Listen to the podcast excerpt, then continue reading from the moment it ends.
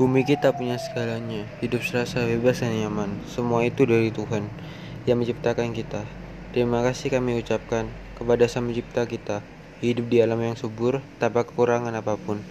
Namun suatu hari datanglah makhluk hidup, merusak alam kita. Siapakah dia? Dia manusia, dia manusia, karena kau alam jadi rusak. Kau yang menggunakan, kau yang merusak.